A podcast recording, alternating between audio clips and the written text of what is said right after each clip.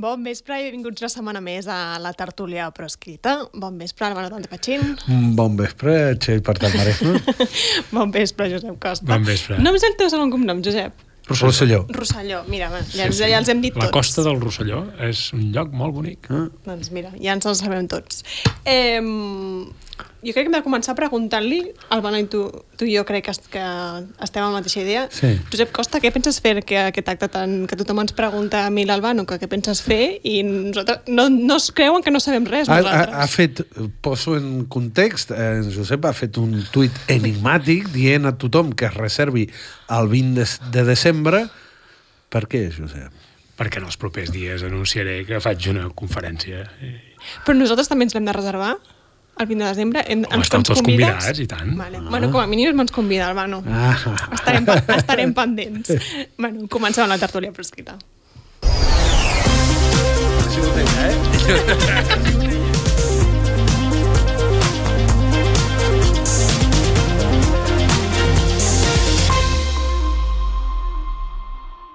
I comencem parlant d'una cosa que ha passat aquest cap de setmana, que és la primera reunió oficial, diguéssim, que sapiguem tots, eh, mentre Junts i el PSOE amb el mecanisme de verificació internacional.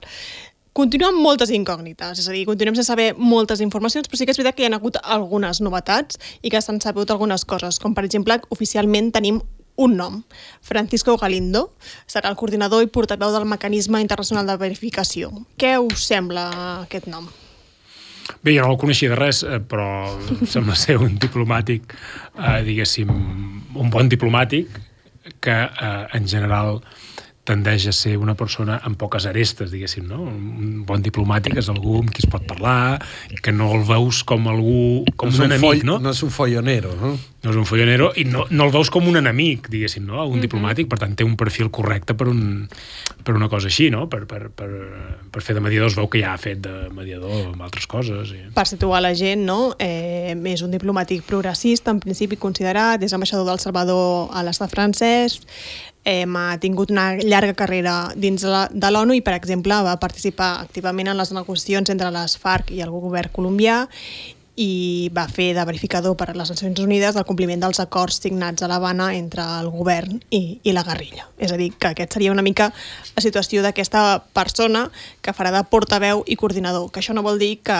sigui el pes important d'aquest procés de verificació, sinó serà com la cara que sí que serà una mica més visible de tot plegat. Mm. Uh, a mi m'ha fet molta gràcia un comentari, ara no recordo on, te, on te'l vaig sentir, però no sé si vau sentir Aznar no? posant el crit al cel per això de que, clar, hosti, com poden posar aquest senyor a mediar, no? quan aquest senyor media entre guerrilles, què és això, no? Era, de, era de les colònies.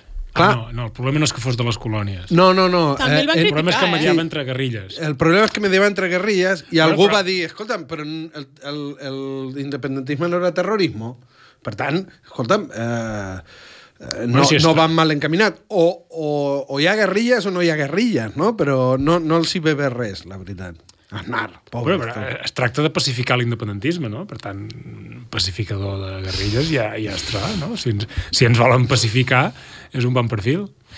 Eh, per parlar de tot això, volia convidar a la tertúlia a Vicent Partal, el director de VilaWeb, perquè aquesta setmana justament va fer, bueno, perdó, la setmana passada, eh, divendres, va fer, un, va fer una pissarreta del portal, diguéssim, per intentar ajudar-nos a entendre una mica eh, com funcionava aquest procés d'edificació i vaig trobar que seria interessant convidar-lo aquí a la tertúlia perquè ens ajudés també una mica a entendre tot plegat. Bon vespre, Vicent. Hola, com esteu? Em, què et sembla tu aquest portaveu i coordinador? Perquè um, pel, que has, pel que has anat explicant aquests dies, em, ho dius, no? És, és la cara més visible, no? segurament serà la cara que ens confirmaran, però seria la menys important dintre de tot plegat. Bé, en principi no sabem gran cosa de, de tot això, de com funciona aquest procés, perquè eh, per definició ha de ser extremadament discret per no dir secret. Però algunes coses sí que les sabem, sobretot a partir de dissabte. Eh, primer, la presència de la Fundació Henri Dunant, que és com dir la presència del govern suís, perquè la és, és una fundació molt vinculada al govern suís. Recordem que el govern suís el 2017 públicament va ser l'únic govern que va dir públicament que s'oferia per a fer de mediador entre Catalunya i Espanya i trobar una solució a, a la crisi que s'havia obert amb la declaració d'independència i l'aplicació del 155. Per tant, és consistent amb els esforços del govern suís per trobar una, una eixida al conflicte eh, polític. Eh, I pel que jo sé o pel que m'arriba, eh, aquest diplomàtic és una persona molt de la confiança de la Fundació. És a dir, que més aviat és la Fundació la, eh, qui l'ha posat, és un diplomàtic s'ha posat molt el focus en el fet de ser del Salvador. En realitat, el focus seria que porta 30 anys eh, negociant en conflictes arreu del món en nom de les Nacions Unides. Eh, I fins aquí és on, el, el que sabem eh, del perfil d'aquesta persona. Després sabem que n'hi ha eh, diverses persones, o se suposa, o s'ha dit o s'ha insinuat que n'hi ha diverses persones eh, al darrere, dos o tres, eh, diguem així, poders eh, en capacitat de, eh, per, per dir una mica col·loquialment, d'espantar el PSOE i d'espantar inclús el PP. És a dir, gent amb molt, amb suficient poder com perquè tinguin que fer cas el PSOE o el PP en el moment que siga necessari. No? Vicent... I ells no se coneixen. Vicent, si et sembla bé, això que estava explicant una mica, vas fer aquesta pissarreta, volia recuperar un tros potser perquè és, és més visual del que estem explicant ara i potser així la gent també situarà. Si l'Aleix em posa aquest vídeo... Ara vaig explicar, eh, és especulació. Eh, no tinc dades, no sé qui són eh, aquests membres, però sabem com es fan aquests processos i sabem qui són la gent que normalment fa aquests processos, perquè això és un procés eh, tècnic, això no pot fer-ho qualsevol, no, no, no pots improvisar un mediador d'aquests eh, de la nit al dia. Per tant, en base a això, en base a les reaccions eh, que estan havent i a partir de que ja coneixem eh, que la Fundació Henri Donant seria una de les peces eh, d'aquest mecanisme, doncs intentaré explicar com podria funcionar aquest mecanisme i quins actors eh, podria tenir. Un mecanisme d'aquest tipus normalment, normalment té un organitzador, un portaveu i uns mediadors, que juguen papers diferents. L'organitzador, òbviament, és diguem així, qui, qui porta el procés, qui organitza els debats, qui organitza les taules, qui facilita els jocs de trobada, etc etc. El portaveu sol ser una persona que no està eh, mediant i que només fa una funció de portaveu i els mediadors són els que realment tenen el poder polític per a fer que les qüestions eh, avancen. És a dir, ara sabem els organitzadors, sabem el portaveu, no? El que no sabem són aquests verificadors eh, que segurament no, potser no ho sabrem mai, qui, qui són.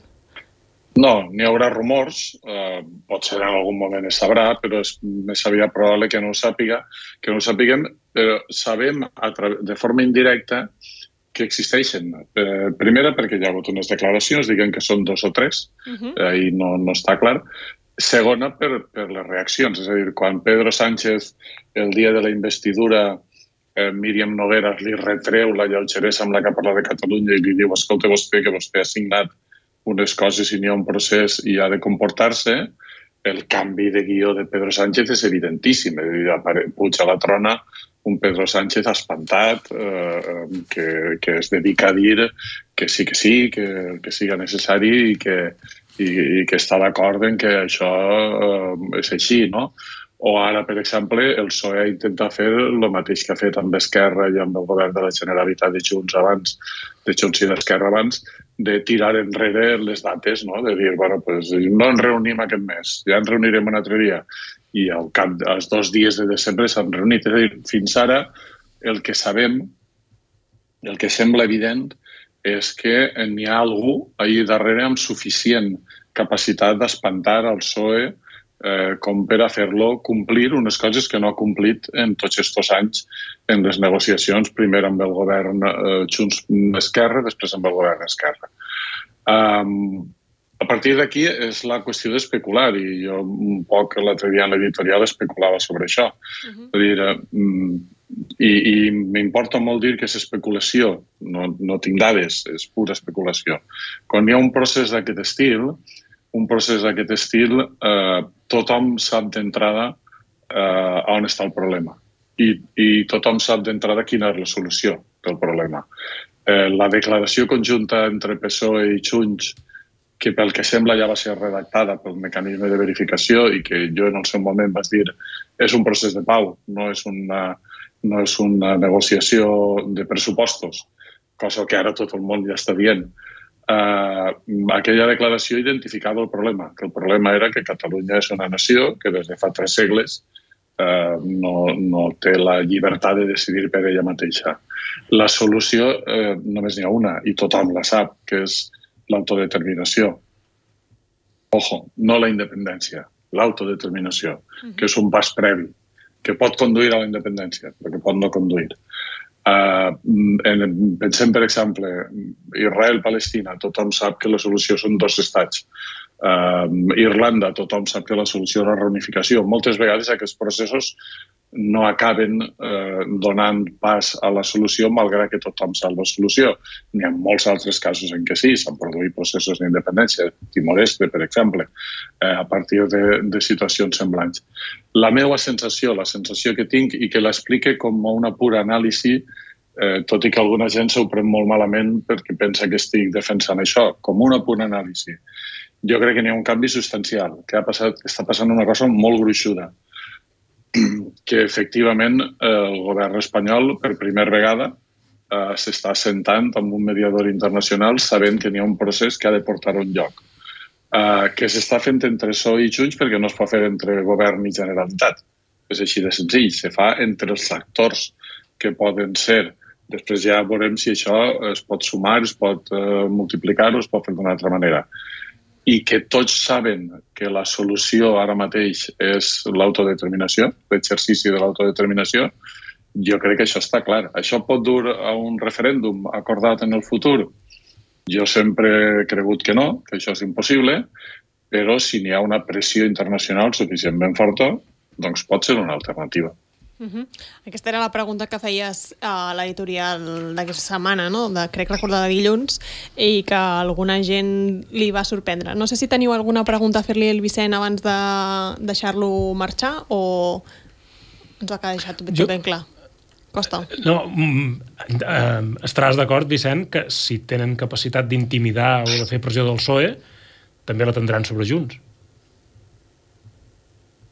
Sí, però és diferent Uh, perquè si són organismes o persones o institucions estatals, uh, tenen capacitat de pressionar, de fet, l'estat espanyol, que en aquests moments el és el govern de l'estat espanyol. Uh, I Junts no té estat.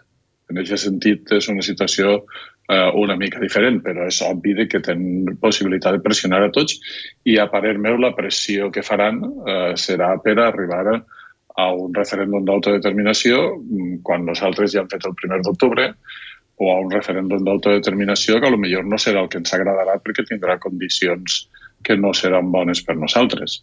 Eh, tipus eh, el, el, un sostre mínim o, o una majoria qualificada o coses d'aquest estil. Jo crec que no hem de, no hem de com, com si diguérem, no hem de cantar victòria per això, però perquè no sabem on ens portarà i no sabem si, com està passant en Palestina i Israel, tot i saber quina és la solució, aquesta solució no s'implementarà, uh, però tampoc ens sembla positiu uh, negar que estan passant uns fets molt substancials. És a dir, jo crec que uh, si fa sis mesos ens hagueren dit uh, que n'hi hauria una amnistia en marxa, que uh, estarien negociant a Ginebra el govern espanyol disfressada de PSOE i Catalunya disfressada de Junts, eh, un acord que podria incloure un procés d'autodeterminació, que el català seria oficial al Congrés espanyol, etc etc, ens sorprendrien com una victòria. Ens sorprendrien dient, caram,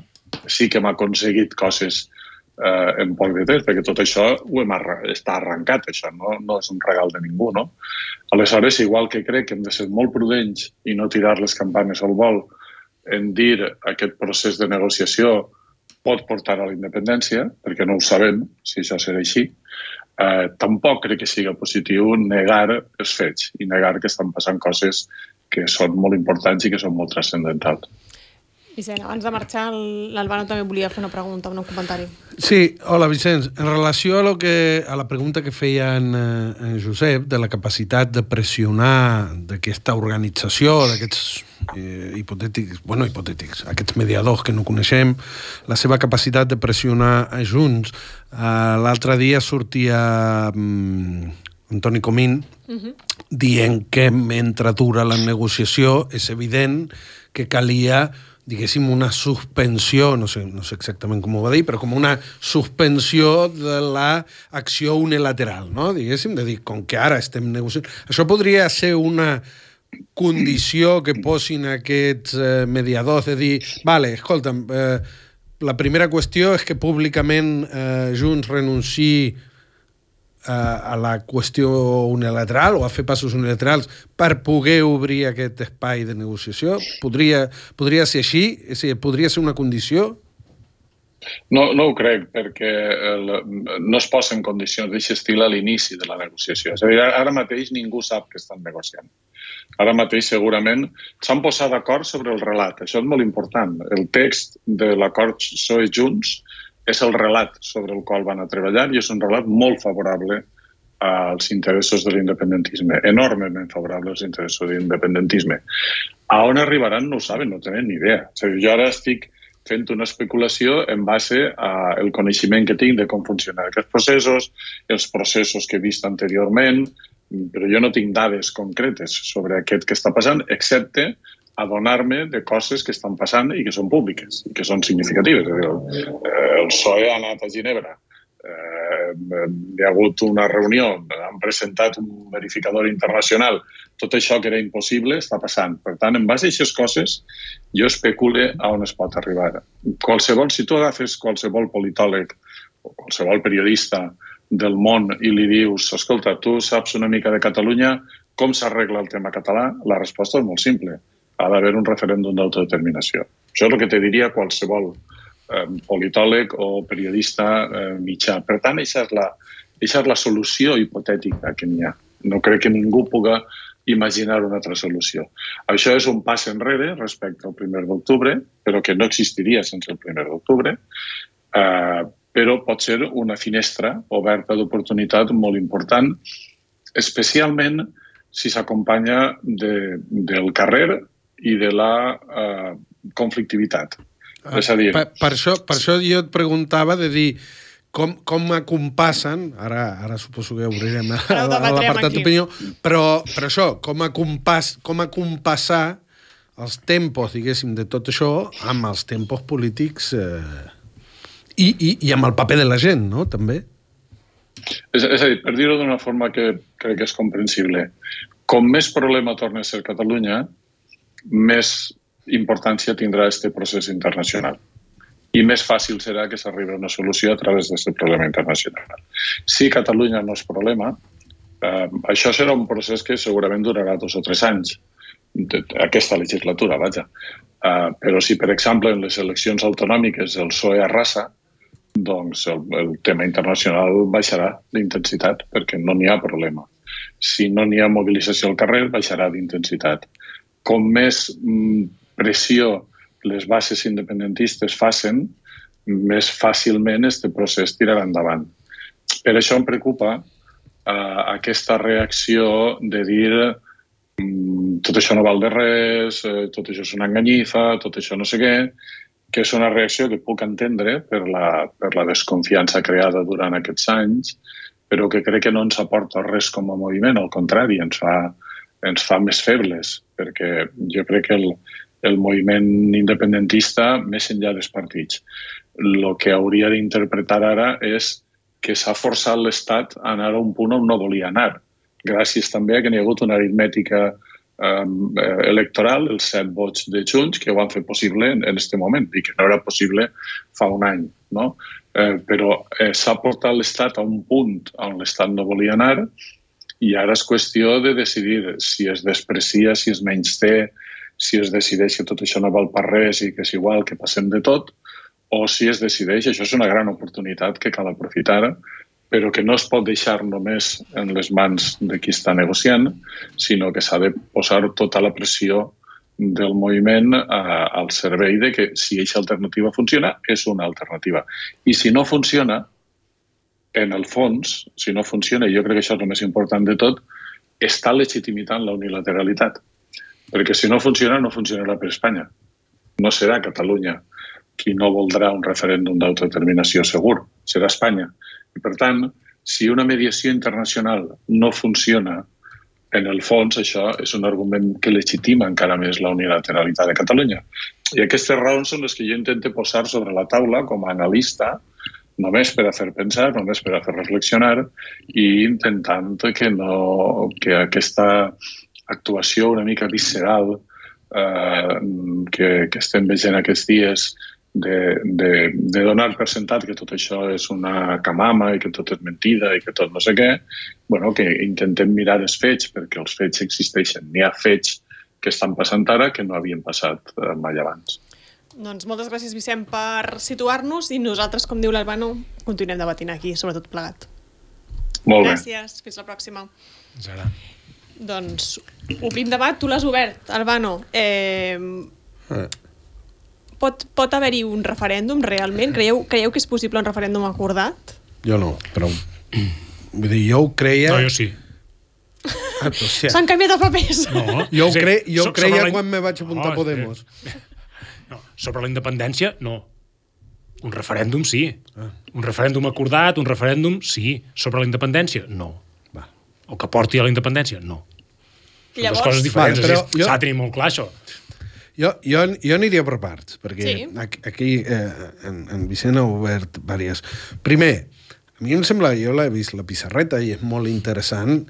Primer, eh, no, una mica fer-se coneixedor de, de, d'aquest àmbit, no? de les uh -huh. negociacions i tot això. Igual que fa uns quants anys el moviment independentista va haver de fer l'esforç col·lectiu d'aprendre que era el Tribunal Suprem, que era el Constitucional i tot això, no? que el que era una euroordre, us en recordeu, fa 10 anys no ho sabíem, i això ha passat a formar part del, del, del bagatge, dels coneixements com a moviment, dic. Eh? Conec algun periodista que s'ha tret la carrera de, de, de dret, de, quasi. dre- de dret, clar, eh, és, és una necessitat. Per tant, a mi em sembla molt interessant el que explica la pissarreta, vull dir, recomano mirar-la sencera.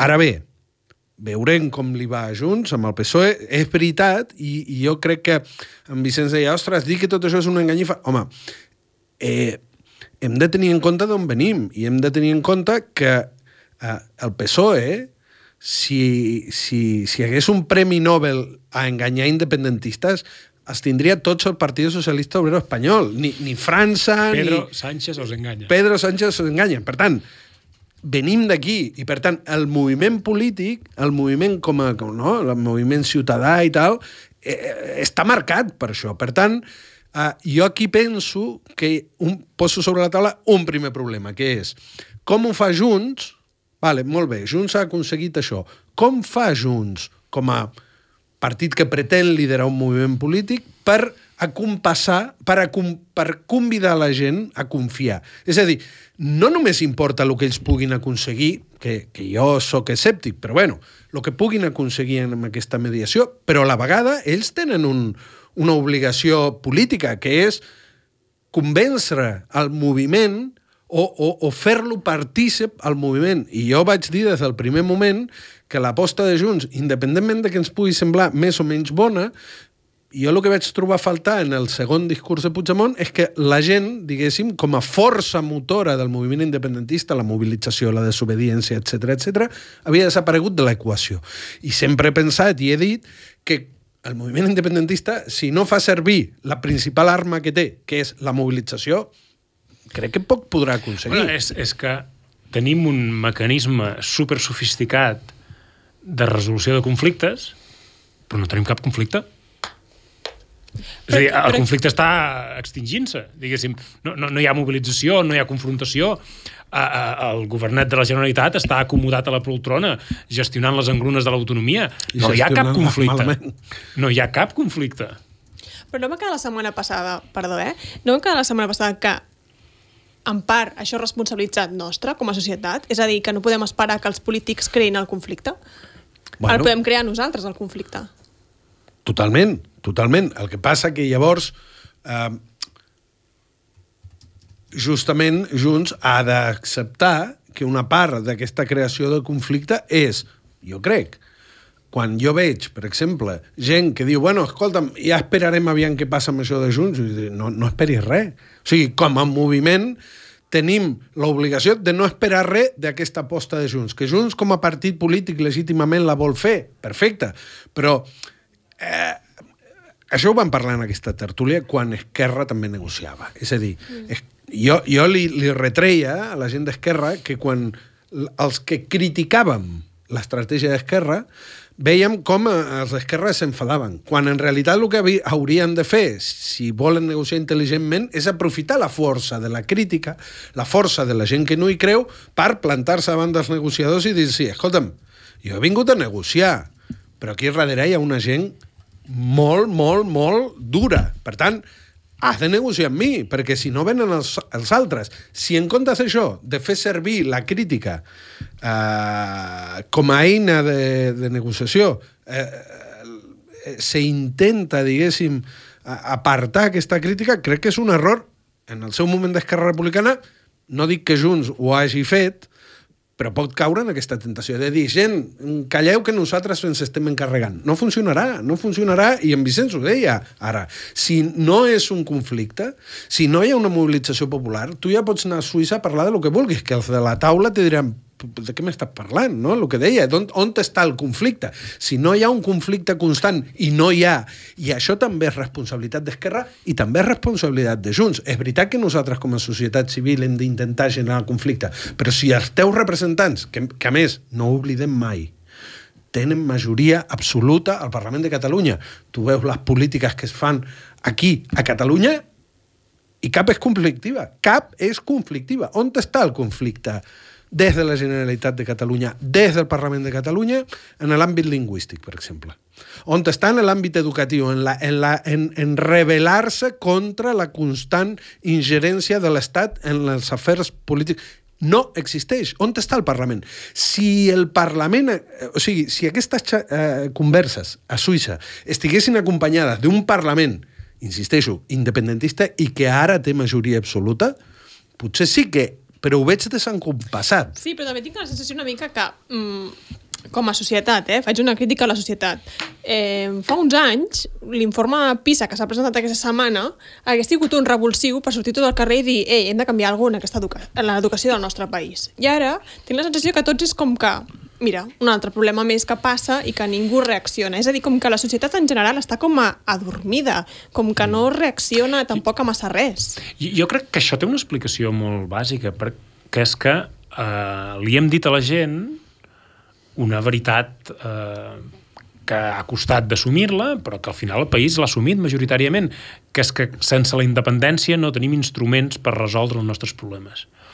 I aleshores, quan tu li dius que la independència no és possible, li estàs dient que no és possible resoldre cap problema.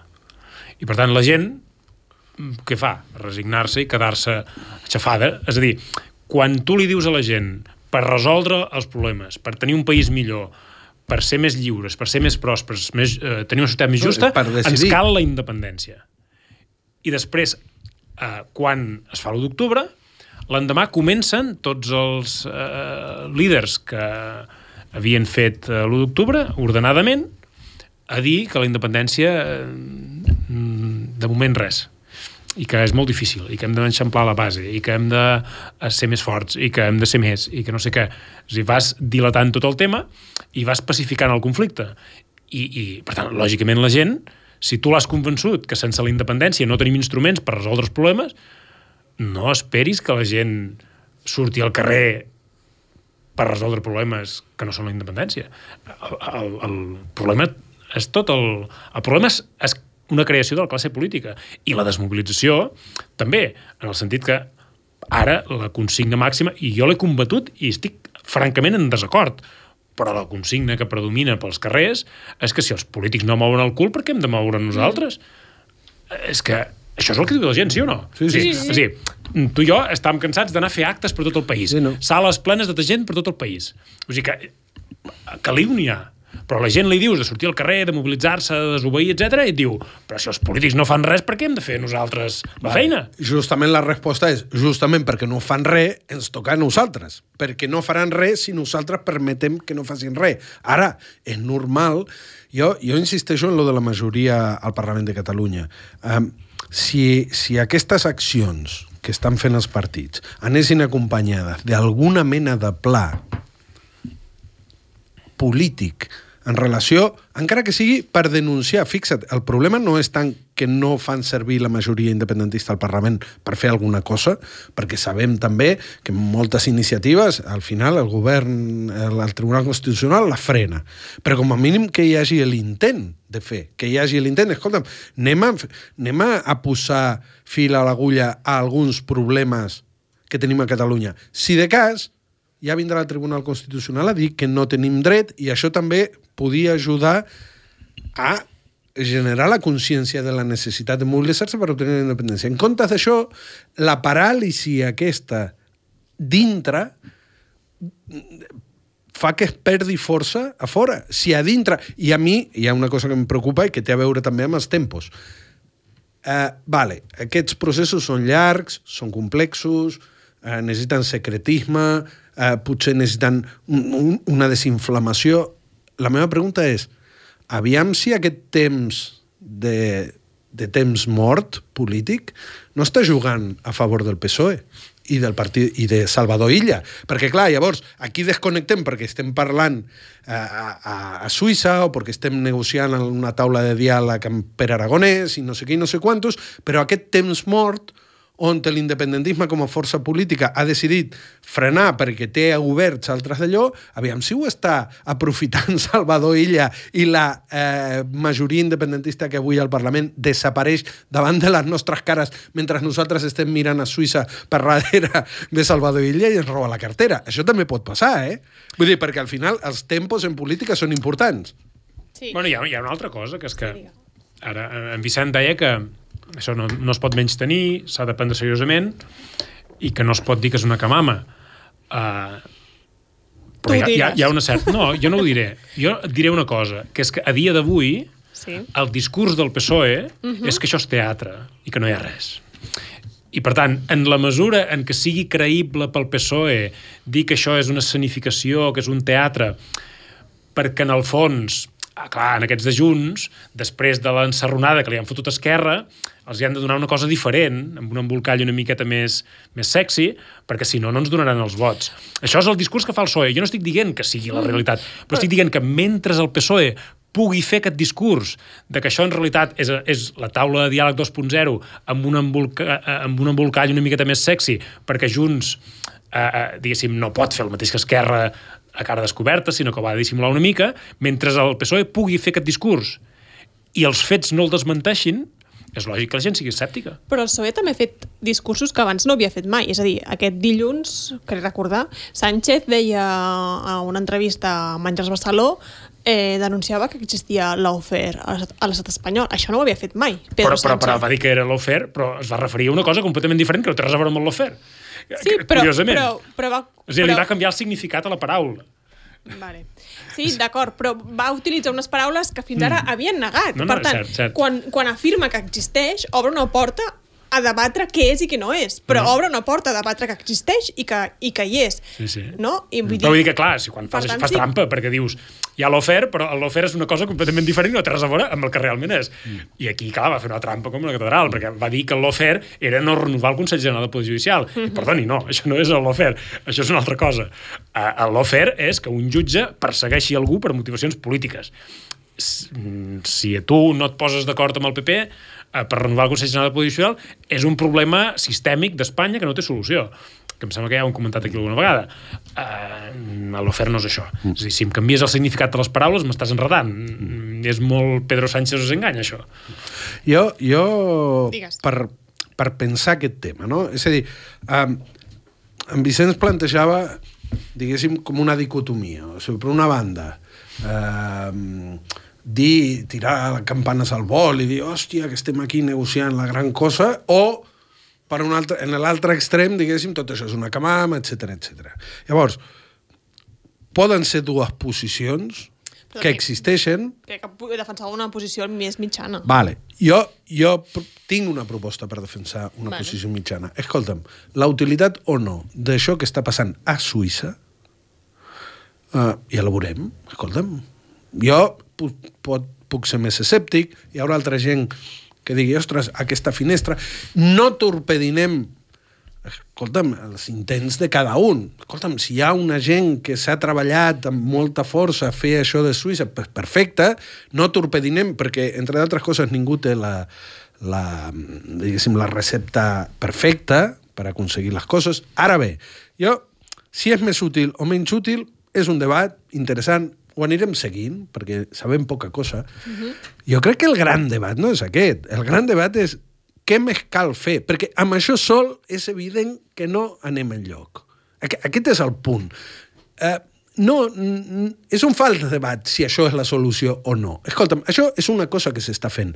El que jo dic és que amb això, que dipositar l'esperança en això com a moviment polític ens porta a la desaparició, a que vingui Salvador Illa i tregui 74 diputats, a que la gent passi per sempre més durant tres generacions de la independència. Per què?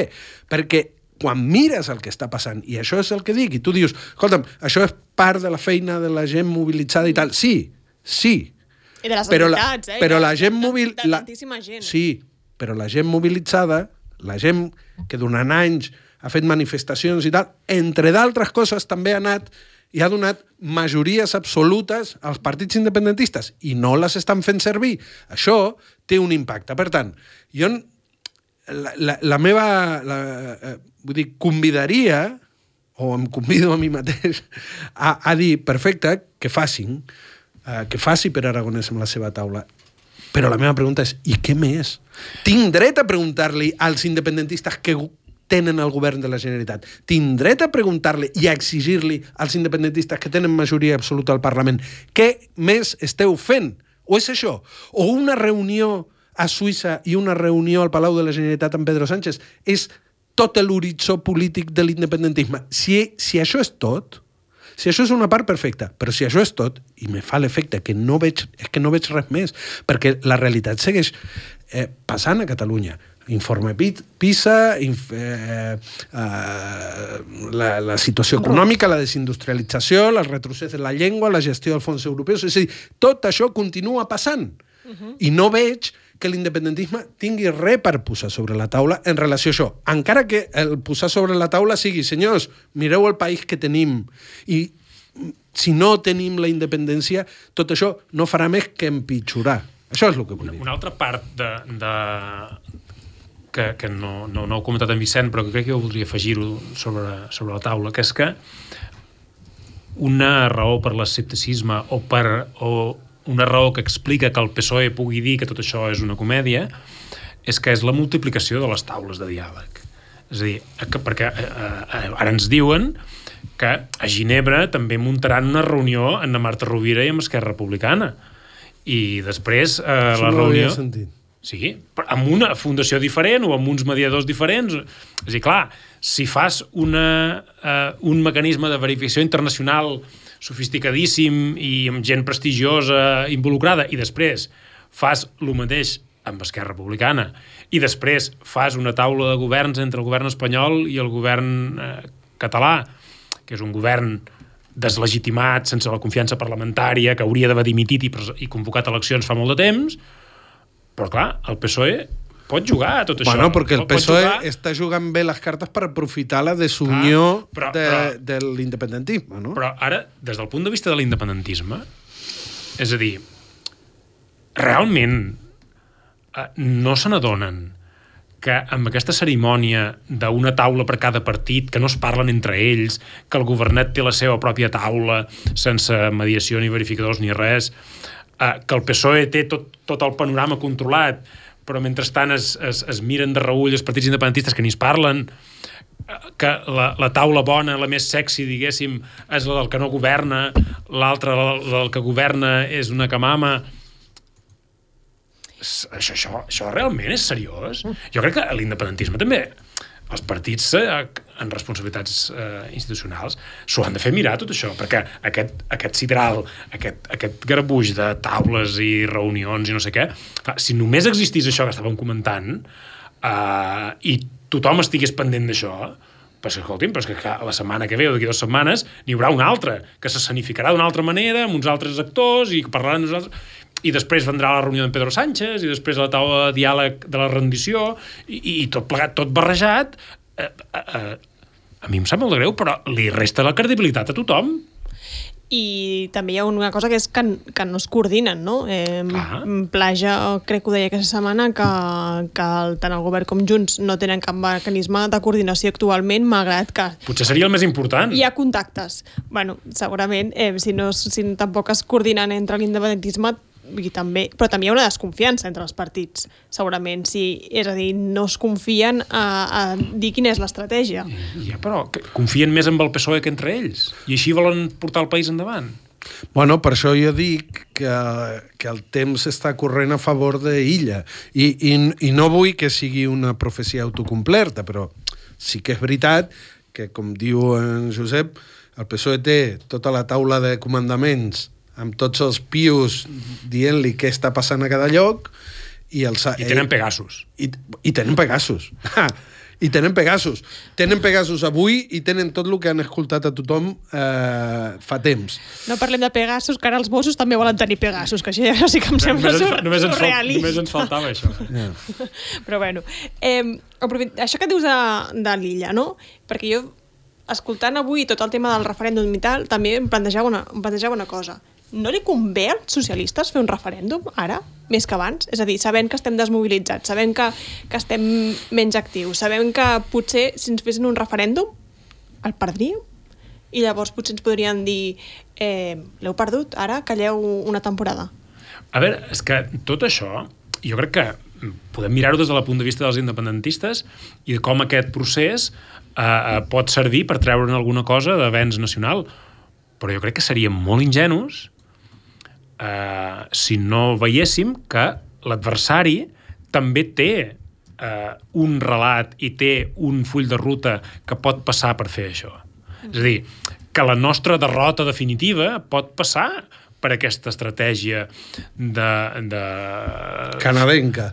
Al final... l'estratègia canadenca, l'estratègia o l'estratègia eh, britànica amb Escòcia, que és en comptes de donar eh, eh, garrot, donar pastanaga. Uh -huh. I això eh, pot ser eh, una estratègia pel PSOE per pacificar definitivament el conflicte.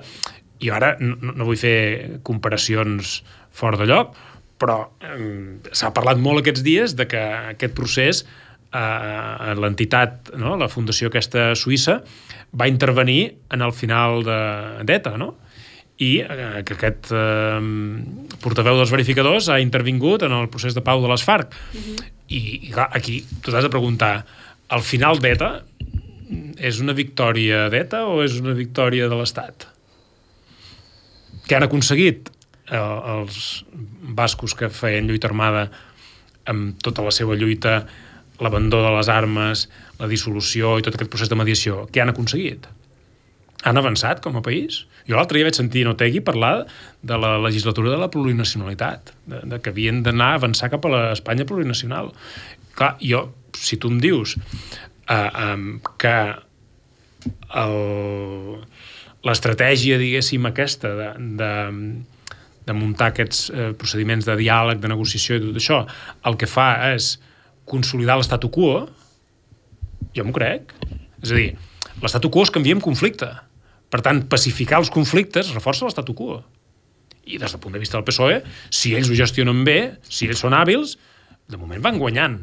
De moment, a, a, els, els partits independentistes, alguns més que d'altres, eh, o alguns primer que els altres, s'han prestat a pacificar i desmobilitzar l'independentisme.